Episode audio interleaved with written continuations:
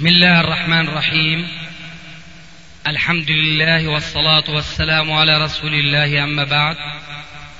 فهذا أحد أشرطة سلسلة الهدى والنور من الدروس العلمية والفتاوى الشرعية لشيخنا المحدث العلامة محمد ناصر الدين الألباني حفظه الله ونفع به الجميع.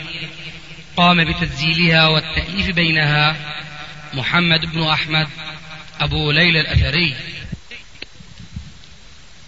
بسم الله الرحمن الرحيم. الحمد لله والصلاة والسلام على رسول الله أما بعد. فهذا أحد أشرطة سلسلة الهدى والنور من الدروس العلمية والفتاوى الشرعية لشيخنا المحدث العلامة محمد ناصر الدين الألباني حفظه الله ونفع به الجميع. قام بتسجيلها والتأليف بينها محمد بن أحمد أبو ليلى الأثري. إخوة الإيمان والآن مع الشريط التسعين بعد المئة الخامسة على واحد.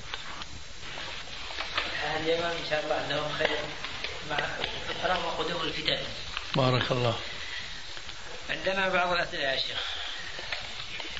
قد يأتينا ناس آخرون من السعودية والكويت من أجل أسئلة أيضا. ولذلك فأقترح أن تختاروا من الأسئلة الأهم فالأهم. حتى إذا جاءوا أخذوا دورهم أيضا. وإلا فيكون الدور لكم إن شاء الله بأوسع ما يمكن. لكن المهم أن تبدأ بالأهم فالأهم. طيب. بسم الله الأولى لله والصلاة والسلام على رسول الله. عندنا حضرة الشيخ مسألة آه، شغلت بال الكثير من الشباب وشباب الصحوة الإسلامية على الخصوص. وهذه المسألة هي قضية الجمعيات الخيرية. فمنهم من يرى تبديعها وتضليلها ويراها أنها حزبية مقيتة. يراها إيش؟ أنها حزبية مقيتة. حزبية. أيوة حزبية مقيتة. ليس لها أساسا آه، ليس لها أساس من الشرع. وخاصة عندنا جمعية اسمها جمعية الحكمة اليمانية الخيرية. وهذا مؤلف آه، صغير يشرح أهداف هذه الجمعية.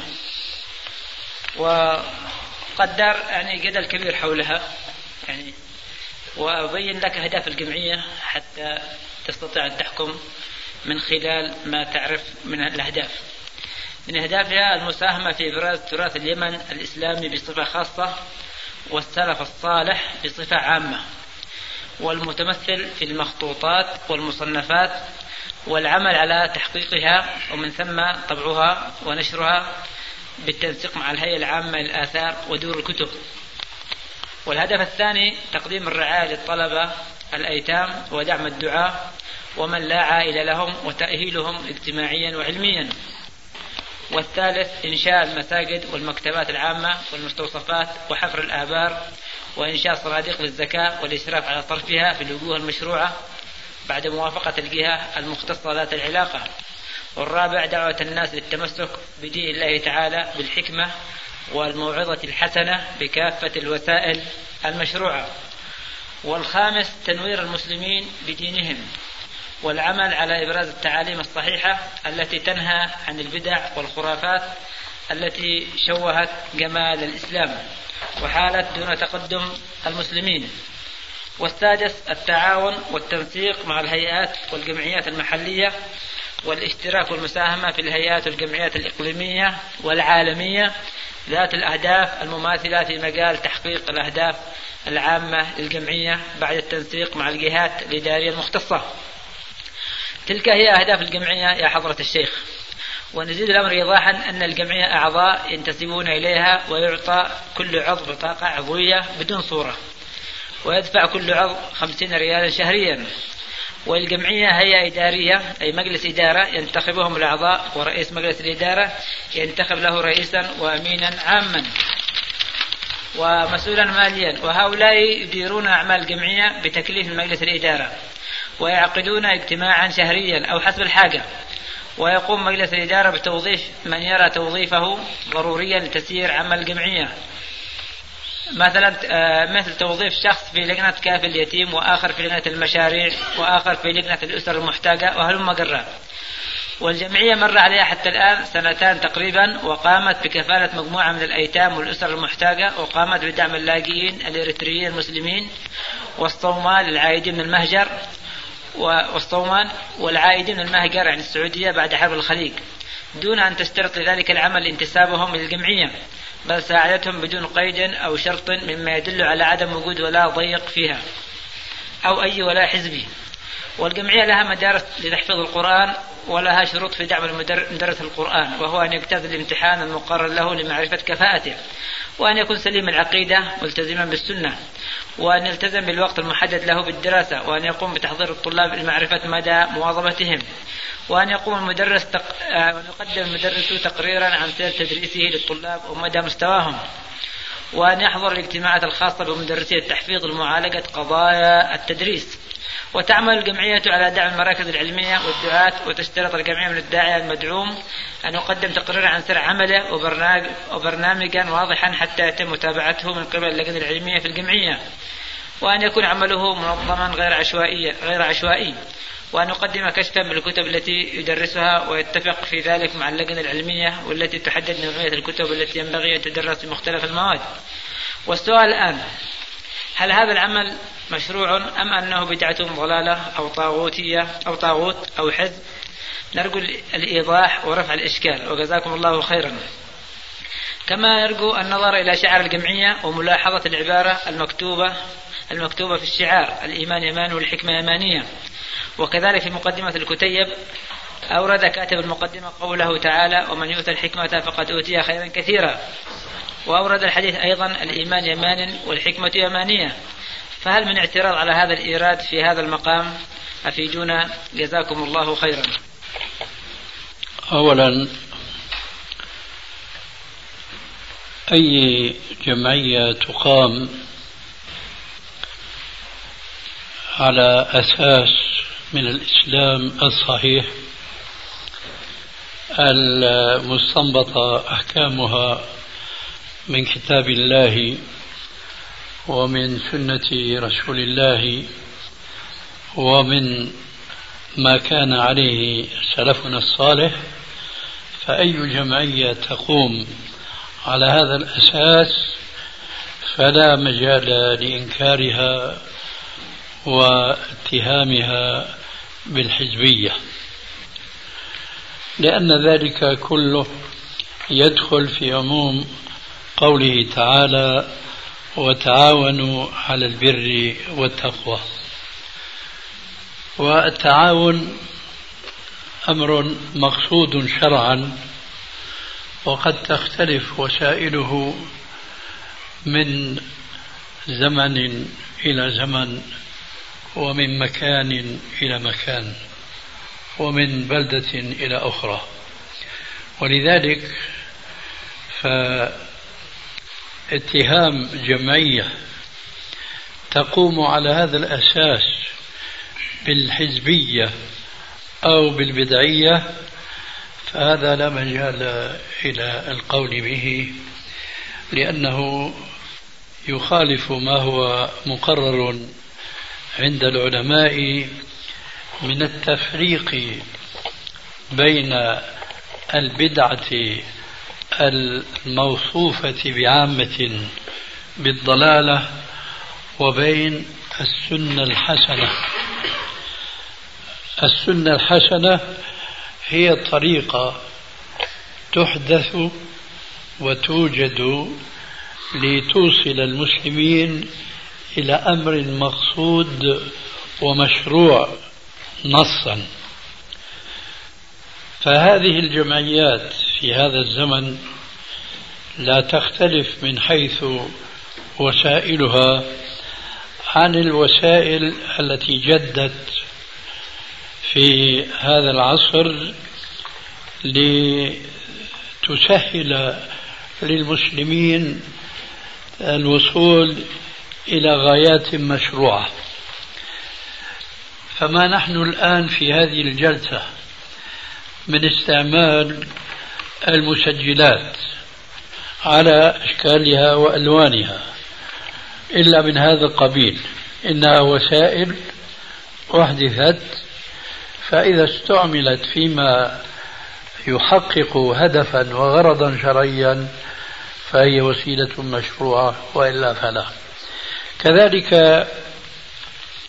وسائل الركوب الكثيرة والمختلفة اليوم من السيارات والطيارات ونحو ذلك هي أيضا وسائل فإذا استعملت في تحقيق مقاصد شرعية فهي شرعية وإلا فلا. هذا أقوله أولا. وثانيا على ضوء ما سمعت من منهج الجمعية فأنا أرى أن نظامها من الناحية العملية آه، خيالية غير هي نظرية ليست لا يمكن تحقيقها لكثرة شعبها ومصالحها. فأرى آه، تضييق هذه الدائرة حتى يكون منهج الجمعية منهجا عمليا ممكنا تنفيذه. وثالثا ولعله يكون أخيرا.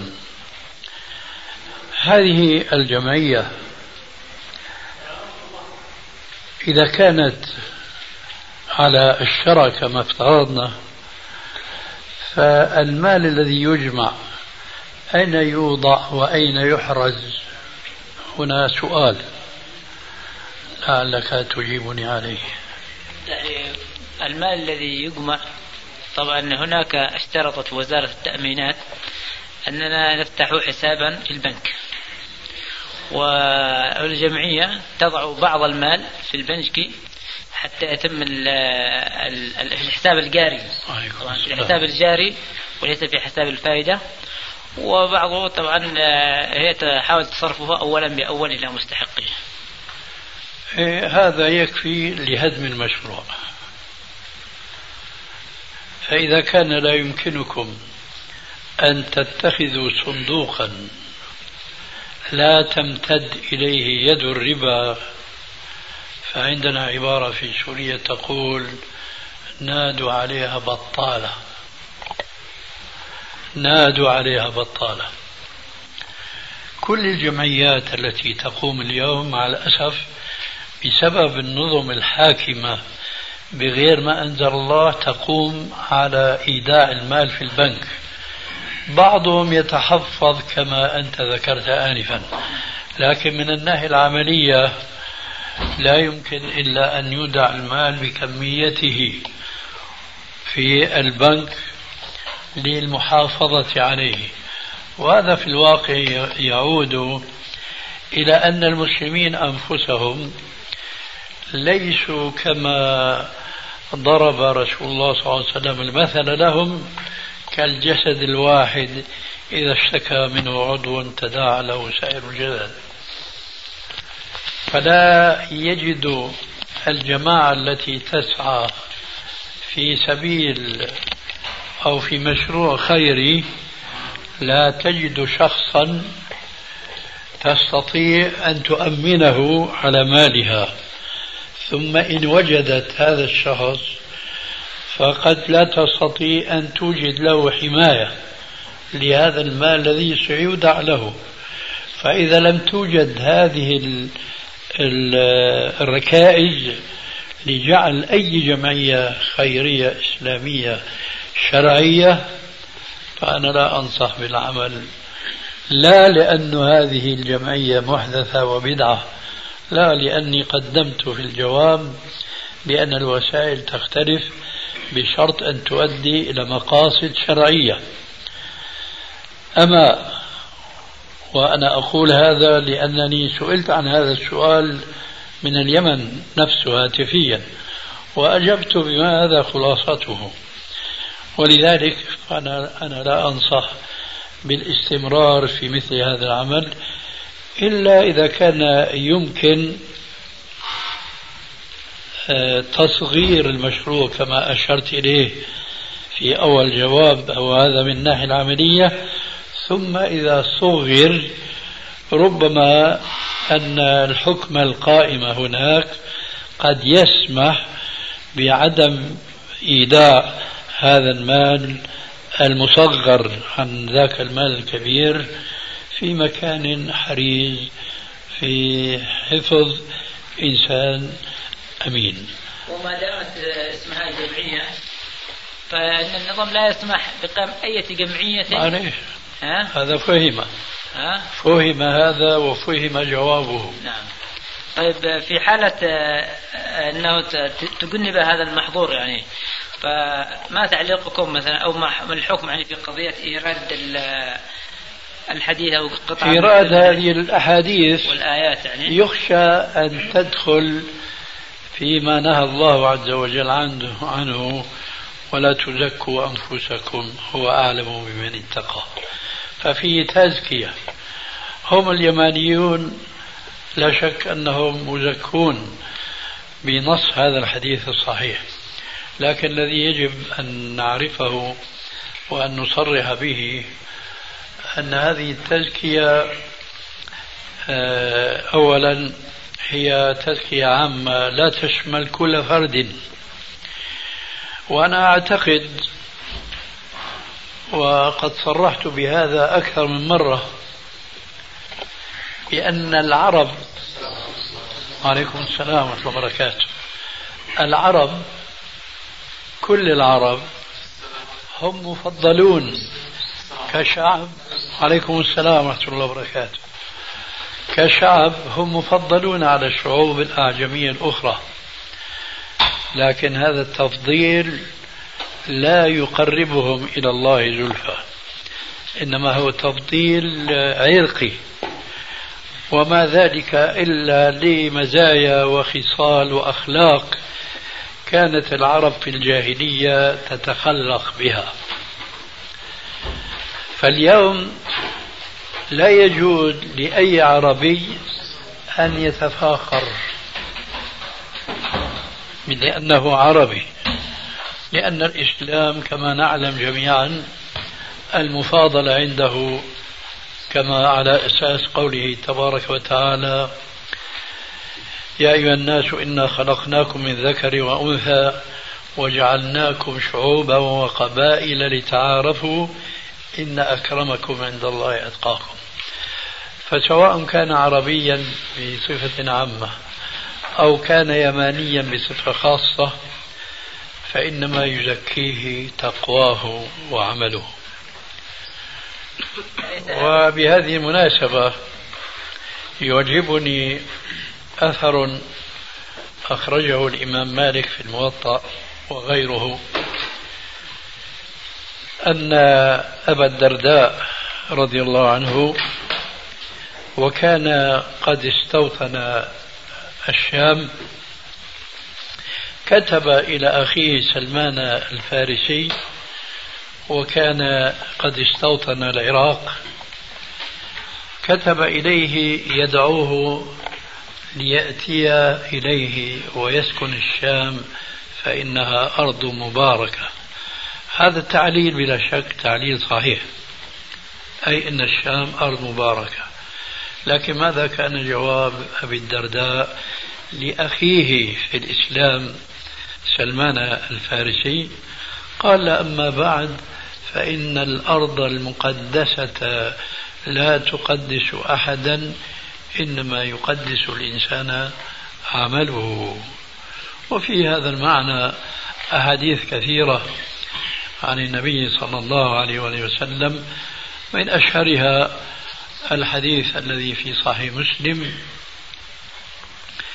في حديث طويل له من بطأ به عمله لم يسرع به نسبه.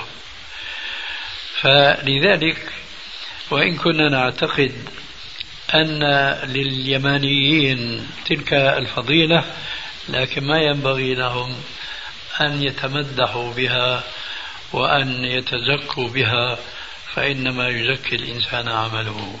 هذا جوابي عن هذا السؤال بخاصة. يعني الأولى حذف هذه العبارة. أي نعم. جزاك الله خيرا. آه عندي سؤال مهم أيضا. آه في ظل النظام الديمقراطي الذي تحكم به اليمن زعموا. لو قارنتها بزعموا. آه نعم. ديمقراطي زعموا. في ظل هو الديمقراطي بزعمهم. آه استعد الإخوان المسلمون في الدخول في الانتخابات النيابية والمشاركة فيها آه في تحت ظل حزب اسمه التجمع اليمني للإصلاح. ويطلبون من المسلمين في اليمن عموما الوقوف معهم في المعركة الانتخابية. فهذا يجوز لنا النزول عند رغبتهم مع العلم أن قانون الانتخابات يخضع للنظام الديمقراطي الطاغوتي وما هي النصيحة التي توجهونها للسلفيين في اليمن والمسلمين بشكل عام؟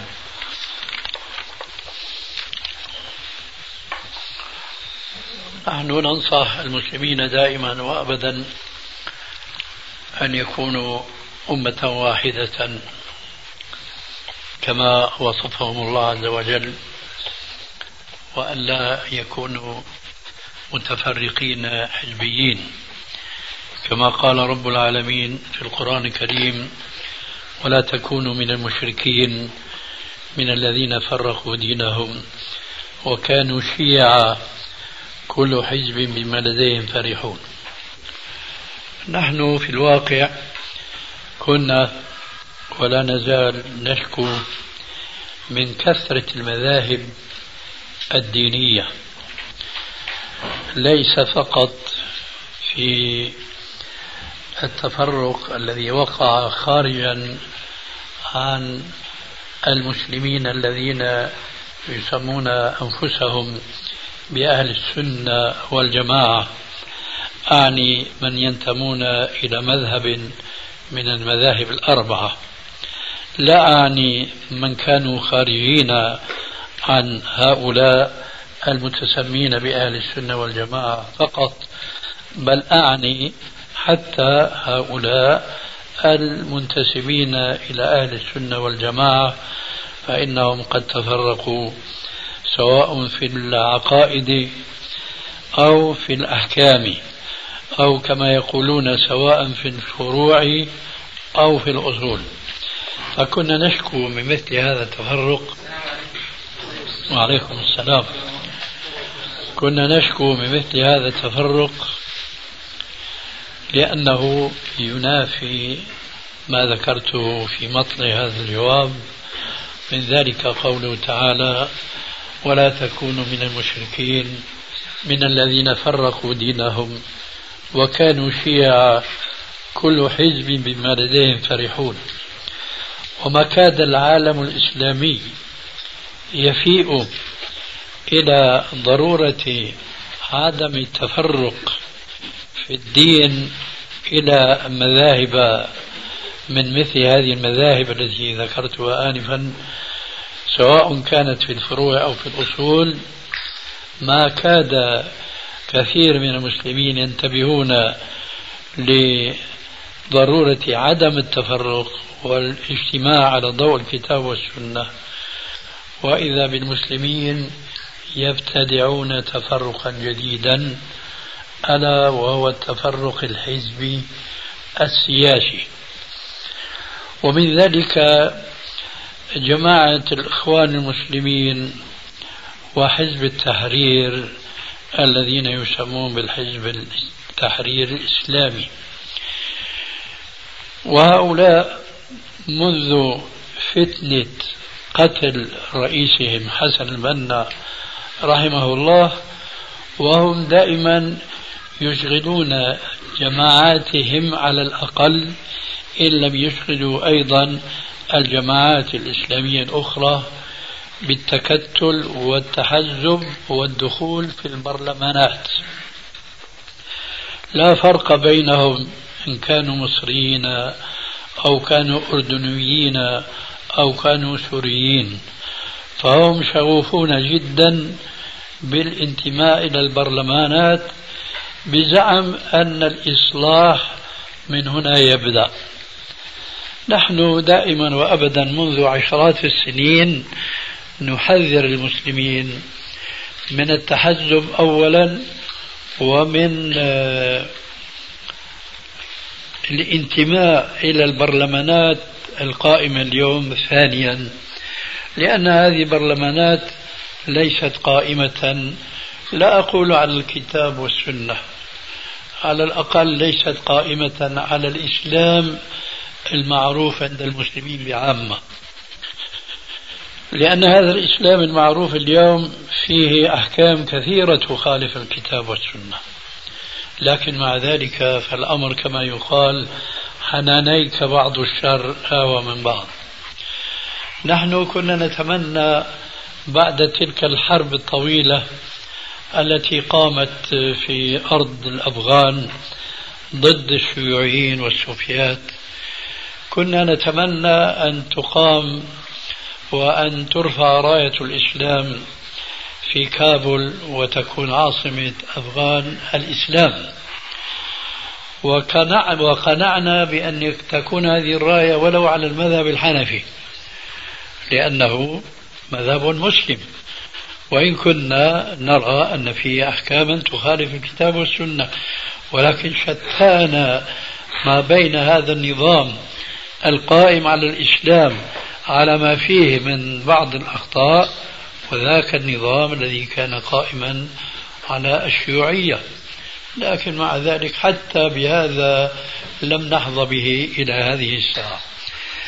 فنحن نقول لا مجال لإصلاح المنشود بدخول بعض الأحزاب الإسلامية إلى البرلمان لأنها لن تستطيع أن تصلح من هناك من البرلمان لأنهم محكومون بنظام البرلمان القائم على خلاف الإسلام. من أجل هذا نحن ندندن دائما وأبدا لقد كان لكم في رسول الله أسوة حسنة.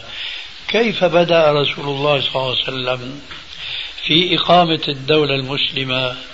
هل بدأ بمصالحة رؤوس الكفر والشرك ومداهنتهم أم أعرض عنهم وعذبوه وعذبوا أصحابه حتى اضطر عليه الصلاة والسلام إلى الهجرة.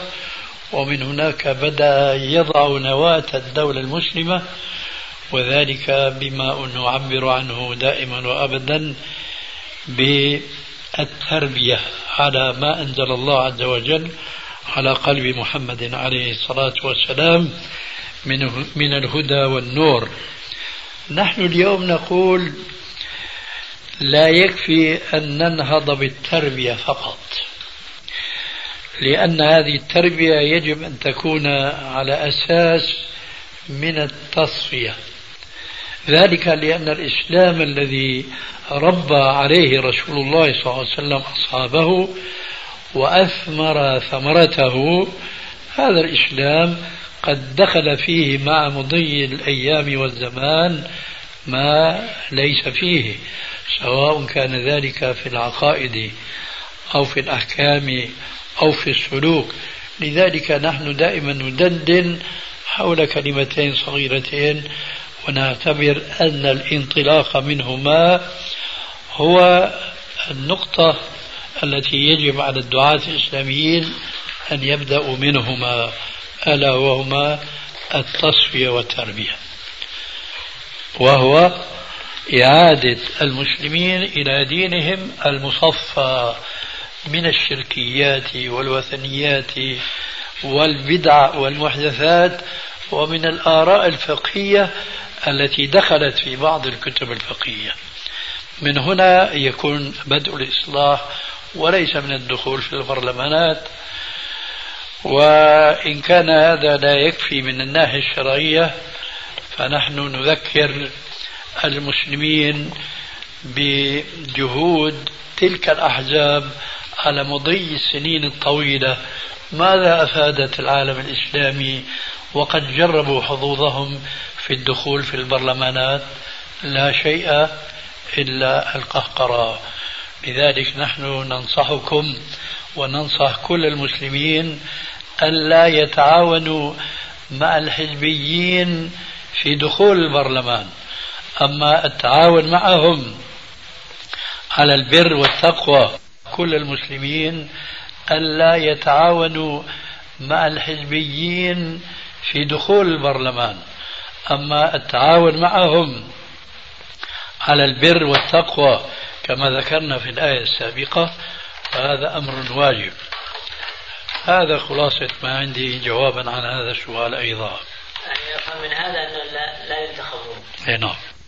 لهم كما يزعمون. بهذه المناسبة كنت أرسلت إلى الشيخ مقبل آه، جوابي عن مثل هذا السؤال لإخواننا الجزائريين في نحو ست صفحات. فأنا أرجو إن لم تكن قد اطلعت عليه أن تحاول الاطلاع عليه وأن تطبعه وتصوره وتوزعه لأنه سيغنيكم عن كثير من الأسئلة. جزاكم الله خير. بقي معي بعض الأسئلة. أو سؤالان سأختصر. عندي أسئلة كثيرة. طيب لأنه في بعض الإخوان أيضا. للإخوان نعم. أسألك في هذا الموضوع يعني ولا مسائل فقهية أخرى؟ يعني في موضوع الدعوة فقط. يعني في عندنا ظاهرة ظاهرة استخراج الجن من الإنس و يعني يقول بلاء نعم و... نعم. ويقول الإخوة اللي يستخرجون الجن من الإنس أن هذا يعني هو نوع من أعمال الدعوة وقد وهي ظاهرة انتشرت كثيرا يعني عندنا في اليمن فما تعليقكم على هذا؟ هذا أيضا هنا وفي كل مكان وأعتقد هذا من البلاء الجديد الذي ابتلي به المسلمون في بلاد الإسلام في هذا الزمان. الأصل في هذا يرحمك الله. قوله تعالى عن الجن وأنه كان رجال من الإنس يعوذون برجال من الجن فزادوهم رهقا. فالاتصال بالجن على الطريقة التي ذكرت شيئا منها لا يجوز شرعا لأن هذا من الكهانة. كل ما يجوز هو ما ثبت عن الرسول عليه السلام من آه، تلاوة بعض الآيات القرآنية على المصاب بمس من الجن. أما مخاطبة الجن وسؤالهم والاستعانة بهم زعموا على اكتشاف السحر وأين موضوعا ومن الذي سحر إلى آخره فهذا من الكهانة التي لا يجوز تعاطيها والتي قال عنها الرسول عليه السلام في كثير من الأحاديث الصحيحة عنه من أتى كاهنا فصدقه بما يقول فقد كفر بما أنزل على محمد. فهذا القرين الإنسي بالجن حينما يسأله عن شيء ويجيبه فيصدقه فقد شمله هذا الوعيد. كذلك الذي يذهب إليه ويستعين به فقد شمله هذا الوعيد. فلا يجوز تعاطي هذه المهنة إطلاقا إلا في هذه الحدود الضيقة جدا جدا وهي تلاوة بعض الآيات على المصروع لعل الصارع له الجني يخرج منه. أما سين جيم إلى ما آخر ما هنالك من تفاصيل فهذا لا يجوز في الإسلام. وليكن هذا آخر سؤال منك لنفتح المجال إن شاء الله لبعض ضيوفنا الآخرين. هم يزعمون يقرؤون على الممسوس قرآن كريم على القرآن فقط وبعض الأدعية. وثم أن يحصل لهم الخطاب هذا والجدل مع الجن. يا أخي أنا أجبتك بارك الله فيك. قلت لا يجوز إلا تلاوة بعض الآيات لإخراج هذا الجن المتلبس بالإنس. أما سؤاله واستجوابه واستنطاقه حتى وصل الأمر إلى أن يقال هل أنت مسلم أم أنت كافر؟ إلى آخر ما هناك من تفاصيل معروفة. فهذا لا يجوز في الإسلام. نعم. شيخ متى تقبل عفوا أرجو أيضا أن تلاحظ ما ذكرته في أول جلسة ولست أدري إذا كنت حاضرا في أولها أم لا. في كثير من إخواننا عندهم أسئلة ف... وهؤلاء منهم ولذلك اختصرنا على شيء ضروري فأقول أرجو أن تختار الأهم من الأسئلة التي عندك ثم إذا سنحت الفرصة سألت عما وراء ذلك. واضح؟ إن شاء الله. تفضل. رجل حصل على شهادة دراسية بطريقة الغش والاحتيال وهو يعمل بها في وظيفته. فما حكم عمله وكسبه لهذه المال؟ طبعا ما بني على فاسد فهو فاسد. فهذا المال الذي يكسبه هو قائم على ما سميته بالغش. فهو غش ورسول عليه السلام يقول من غشنا فليس منا. فلا يجوز تعاطي هذه المهنة القائمة على هذا الغش وعليه أن يستبدل الوسيلة هذه بوسيلة أخرى مشروعة إن شاء الله. حديث إذا سألتم الله فاسألوه الفردوس فهي أوسط الجنة وهو أعلى الجنة وفوقه العرش ومنه تفجر أنهار الجنة. وقول الله سبحانه وتعالى في سورة هود وكان عرشه على الماء. فالفهم يعني لهذا الحديث لأنه يذكر في الحديث أن أعلى الجنة العرش والآية تذكر أن عرش الله سبحانه وتعالى فوق الماء. وكان عرشه على الماء. على الماء. هذا ما بنا في هذا أولا لأن كون العرش أعظم مخلوقات الله عز وجل فما ينفي أن يكون بهذه العظمة هو أيضا على العرش وهو فوق الجنة. ومشكلة هذا السؤال وغيره من الأسئلة أن بعض المسلمين اليوم يحاولون أن يكيفوا الأخبار الغيبية تكييفا ماديا ملموسا. وهذا خطأ جدا. ذلك لأن الأمور الغيبية لا يجوز التوسع فيها وإنما يجب الوقوف عند حروفها وعدم التزايد عليها.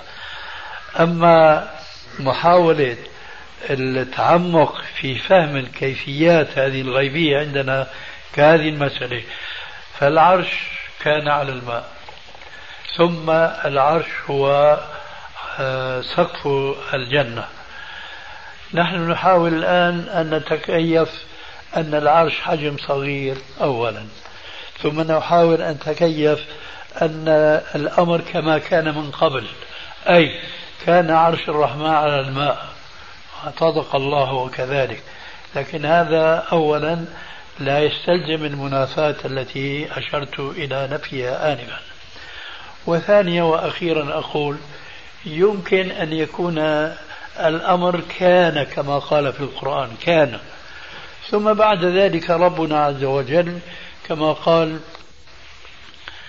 كل يوم هو في شأن. فمن شأنه عز وجل أن يخلق ويحيي ويميت ويتصرف في خلقه كما يشاء. فإذا ليس هناك من الضروري أن نجمع أولا أنه عرشه على الماء وعرشه أيضا فوق الجنة في آن واحد ممكن أن يكون كذلك وقد سبق الجواب عنه. ويمكن أن يكون طرأ على هذا الماء خلق جديد بحيث أنه صار العرش كله سقف الجنة. هذا ما نقوله إجمالا. والتفصيل لا يجوز الدخول في الغيبيات. نعم. متى تقبل الزيادة؟ في حديث ما. وتكون زيادة ثقة ومتى ترد وتكون شاذة؟ وما هي الضوابط والقيود لمعرفة ذلك؟ ما هي الضوابط والقيود؟ لمعرفة ذلك. م. هذا أمر سهل لمن عاناه وتعاطاه.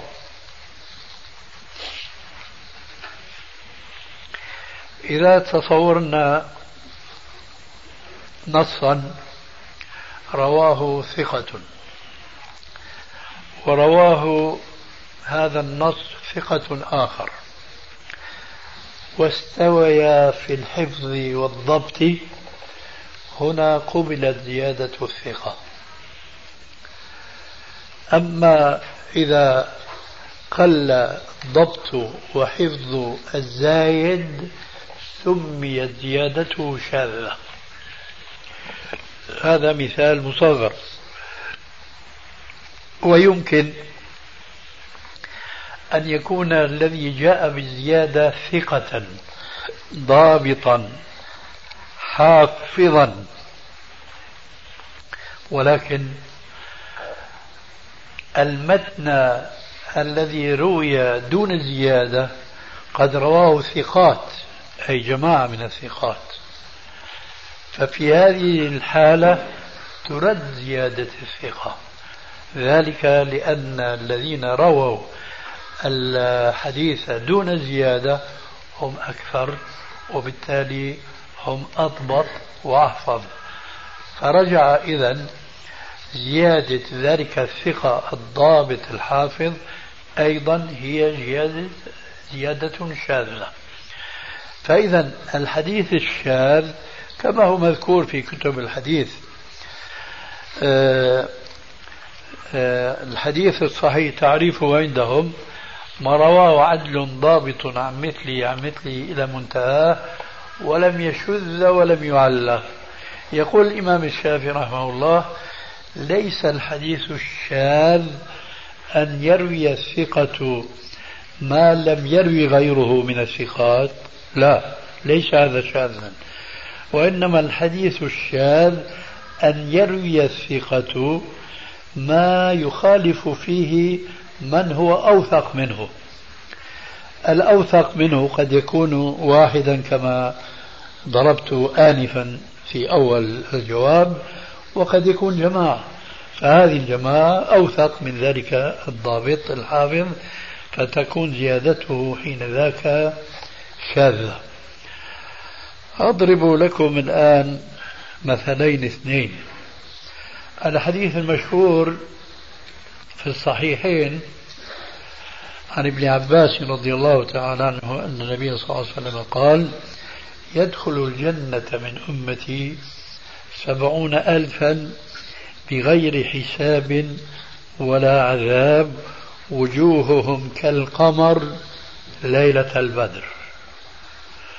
تحدث الرسول عليه السلام بهذا الحديث ثم دخل الحجرة فأخذ الصحابة يتظننون من هؤلاء في حديث فيه شيء من الطول أنا أختصره الآن. ثم خرج الرسول عليه السلام عليهم فقال هم الذين لا يسترقون ولا يكتوون ولا يتطيرون وعلى ربهم يتوكلون.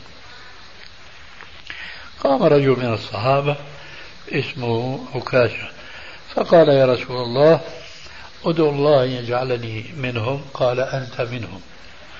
قام آخر فقال أيضا ادعو الله أن يجعلني منهم. قال سبقك بها عكاشة هذا حديث كما قلت متفق عليه بهذا اللفظ. الإمام مسلم الذي شارك البخاري في رواية هذا الحديث بهذا النص في رواية له قال الرسول عليه السلام في وصف أولئك السبعين ألف قال هم الذين لا يرقون ولا يسترقون. لا يرقون ولا يسترقون. فقال شيخ الإسلام ابن تيمية رحمه الله بأن هذه زيادة ضعيفة مع أنها في صحيح مسلم. وهو كما نعرف من علمه علمه فياض يعني بالمناسبة يأتي بهذا الحديث وينبه بأنه زيادة لا يرقون ضعيفة لكن لا يبين السبب. فنحن تتبعنا طرق هذا الحديث. أولا في صحيح مسلم فوجدنا سعيد بن منصور وهو من حفاظ السنة ومن شيوخ الشيخين في الصحيحين تفرد بهذه الزيادة لا يرقون على لا يسترقون. فقلنا سبب ضعف شيخ الإسلام ابن تيمية لهذه الزيادة هو أنها شاذة بسبب انفراد سعيد بن منصور بها دون كل الحفاظ الذين شاركوه في رواية هذا الحديث. وأظن الشيخ هو هشيم بن بشير الواسطي. هذا هو المثال الأول ولعله واضح. المثال الثاني قال عليه السلام من أحب أن يتمثل له الناس قياما فليتبوأ مقعده من النار. سبب هذا الحديث فيه المثال الذي أردته. المثال الثاني دخل معاوية على مجلس فيه بعض العبادلة. منهم عبد الله بن الزبير ومنهم عبد الله بن عامر وفي بعض الروايات أنه يوجد شخص ثالث. المهم فقام عبد الله بن عامر لمعاوية ولم يقم عبد الله بن الزبير ويقول الراوي وكان أرزنهم كان رزينا بالرغم أن معاوية هو الذي دخل على الجالسين وقام أحد العبادلة وهو عبد الله بن عامر دون عبد الله بن الزبير فنهاه عن القيام. وقال له سمعت رسول الله صلى الله عليه وسلم يقول من أحب أن يتمثل الناس قياما فليتبوأ مقعده من النار. الشاهد أن هذا الحديث جاء من طريق ثم تفرقت عنه الطرق. كل هذه الطرق ذكروا أن الذي قام هو عبد الله بن عامر والذي لم يقم هو عبد الله بن الزبير وشذ عنهم سفيان الثوري.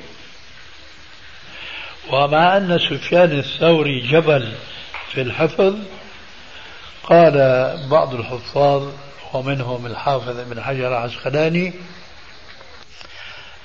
طبعا هو لا يصرح بأنه شاذ لكن يعني أن رواية الجماعة وبخاصة وفيهم شعبة ابن الحجاج ويكاد أن يكون قرين سفيان في الحفظ وفي الضعف والضبط فشعبة مع الجماعة على أن الذي قام هو عبد الله بن عامر والذي لم يقم هو عبد الله بن الزبير. خالفهم سفيان الثوري فقال الذي قام هو عبد الله بن الزبير والذي لم يقم عبد الله بن عامر. فحكم الحافظ ابن حجر للجماعة على سفيان الثوري مع أنه كما قلنا آنفا هو جبل في الحفظ فإذا زيادته شاذة فلا تقبل. إذا شرط قبول زيادة الثقة هو أن لا يخالف من هو أحفظ منه أو أكثر عددا. لعله وضح الجواب أيضا. وإياه في سؤال الشيخ. تفضل شوي. نعم. يخالفه العدد. من لا والأحفظ أيضا. لا في المثالين يعني كل ما في العدد. يعني. نعم. إيه هو مثالين في العدد. نعم. نعم. حديث فيه راو مجهول الحال وآخر ضعيف وآخر مقبول وآخر سيء الحفظ. هل يصلح للشواهد والمتابعات؟ وما هي الطرق التي تصلح للشواهد والمتابعات التي يتقوى بها الحديث؟ نعم يصلح والسؤال نفسه يتضمن الطرق التي بها يتقوى الحديث يعني هو في الأصل لماذا يقول علماء الحديث بأن الحديث يتقوى بكثرة الطرق ولو كانت ضعيفة لماذا؟ لأن المهم في رواية الحديث أن لا يكون هناك من يكذب تعمدا. فإذا جاءت طرق مختلفة وفي كل طريق منها ضعف دون تهمة.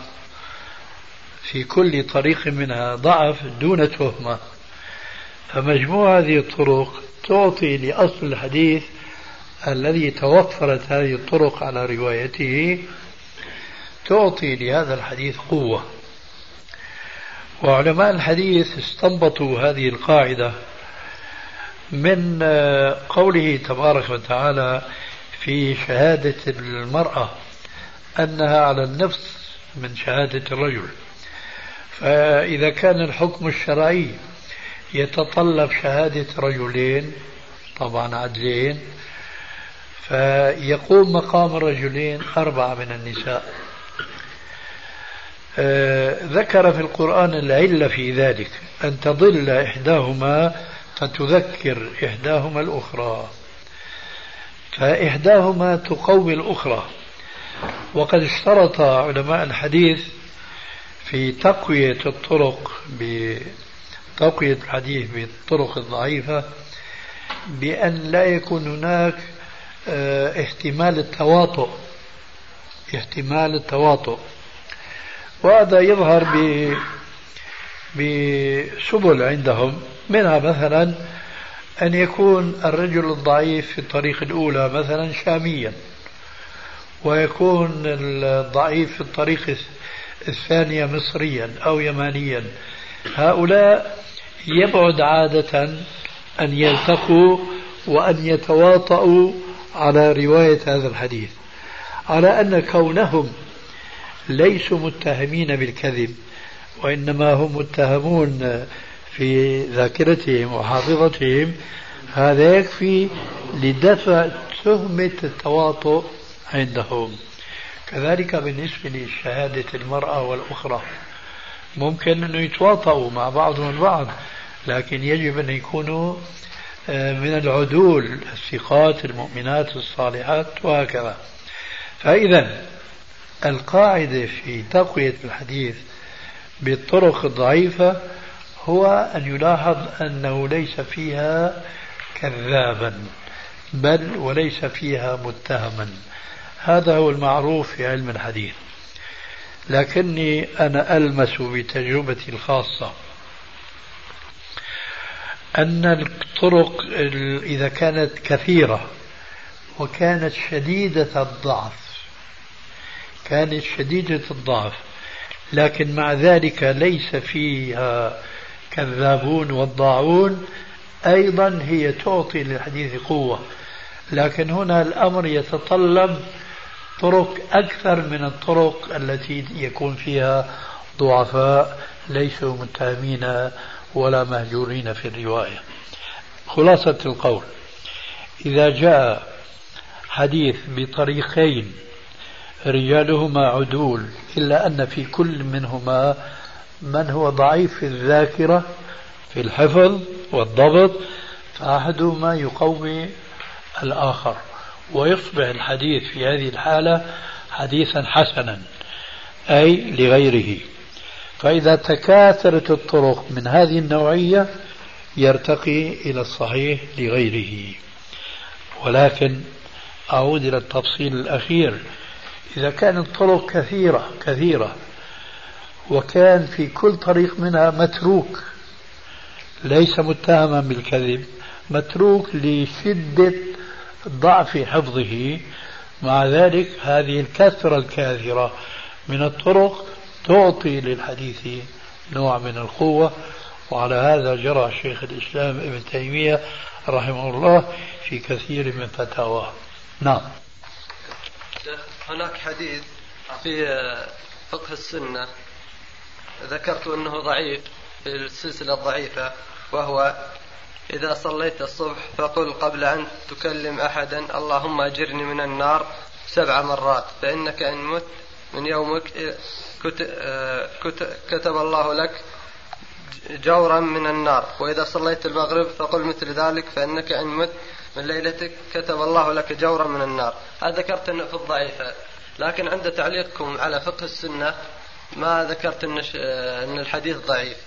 فالسؤال يا شيخ هل يعني كل ما تسكت عنه في تمام المنة يكون حديث صحيح؟ لا ليس شرطا. قد يكون غاب عني. وهذه قاعدة فقهية. المنصوص عليه المنطوق يقدم على المفهوم. فما هو مصرح فيه بالضعيفة والعمدة. أما ما سكت عليه فيمكن أن يكون لشذوذ لعدم فراغ لغفلة إلى آخر ما هنالك. الحديث هذا ضعيف. طيب جزاك الله خير يا شيخ. شيخ في نعم. في سؤال الثاني. أن يكون الطرق الضعيفة أن نعمل التواطؤ. كيف؟ أن نعمل التواطؤ في بين الضعيفين على الرواية. ما فهمت لفظة من كلامك إذا كان التواطؤ تواطؤ نعم أيوة. آه. هنا يعني قضية الاعتبار أو, أو المتابعة يعني نحن نقول إذا كان الراويين ضعيفين يروون عن شيخ ثقة الراويين يعني كليهما ضعيف فنقول هذا إيش؟ يعني أحسن يعني يكون الحديث حسن بمتابعة أحدهما للآخر. فكيف نعمل أو المواطأة هنا إذا كان قلنا إذا كان المواطأة تؤثر في الضعف أو في الحديث. إذا عرفنا التواطؤ فلم نستفد قوة. يعني هو التواطؤ كيف نعلمه هنا؟ يعني إذا كان الشيء يعني شيخ ربما تذاكر الحديث فرجع أحدهما إلى قول الآخر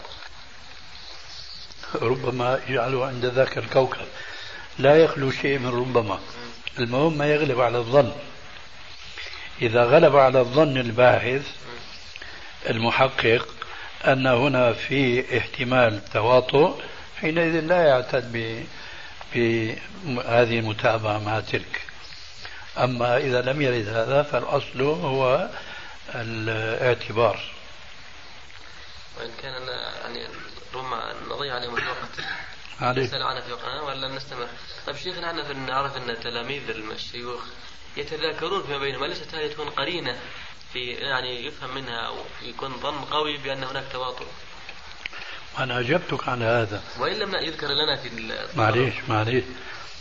قلت لك الباحث إذا بدا له أن هناك احتمال تواطؤ قوي لا يعتد بهذه المتابعة.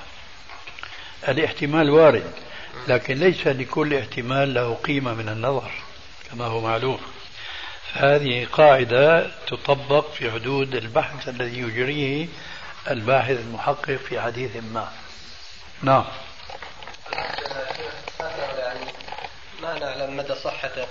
أثر ليس بحديث.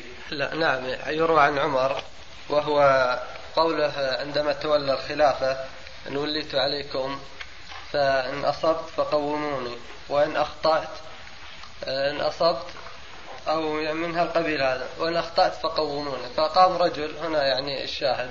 فقام رجل فقام لو وجدنا فيك لو وجدنا فيك عوجاجا لقومناك بسيوفنا. فما أدري مدى صحة هذا. لا أدري. وأنا أقول في كثير من الأحيان بالنسبة لمثل هذا الأثر أننا لا نستطيع أن ننتقل من البحث في أحاديث الرسول عليه السلام تصحيحا وتضعيفا إلى البحث في الآثار لأن هذا أولا سيشغلنا عن الواجب بالأمر المستحب والانشغال بالأمر المستحب عن الواجب لا يجوز. ثم هذا الأمر المستحب بحر لا ساحل له لأن النبي صلى الله عليه وسلم هو شخص واحد في كل ما تكلم وروي إلينا فلا بد أن نتثبت من صحة النسبة إليه. فما بالك إذا فتحنا تاريخ الصحابة وعلى رأسهم الخلفاء الراشدين؟ هذا أمر مستحيل جدا. فمن رحمة الله عز وجل علينا أننا فمن رحمة الله تبارك وتعالى علينا أن أردت أن أقول أن الله عز وجل لم يعبدنا بأقوال أصحاب الرسول عليه السلام فضلا عمن عن الذين جاءوا من بعدهم لأن هذا تكليف بما لا يطاق. ولكنه عز وجل تعبدنا باتباع آثار نبينا صلى الله عليه وسلم سواء كانت قولا أو فعلا أو تقريرا. وهذا المجال فقط ماذا يقول المسلم؟ هذا المجال قصر فيه العالم الإسلامي طيلة هذه السنين ولم يقم بالواجب الحق تجاهه. فما بالكم إذا فتحنا باب التحقيق في الآثار؟ هذا لا سبيل إليه إلا مرورا عابرا بمناسبة ما فنبحث خلاصة قول هذا الأثر مشهور في كتب السيرة والتاريخ لكن لا أدري إن كان يصح إسناده أو لا. إخوة الإيمان تتمة الكلام في الشريط التالي. نعم. آه لعلك تعني العبارة الأخيرة منه. نعم قومناك بسوء. نعم. إيه هذه مخالفة بس هذه يوجد لها تأويل في اللغة. من باب المبالغة. نعم. تفضل. هناك يعني شخص آه، عندما يعني أراد أن يخرج جواز سفر أو ما شابه ذلك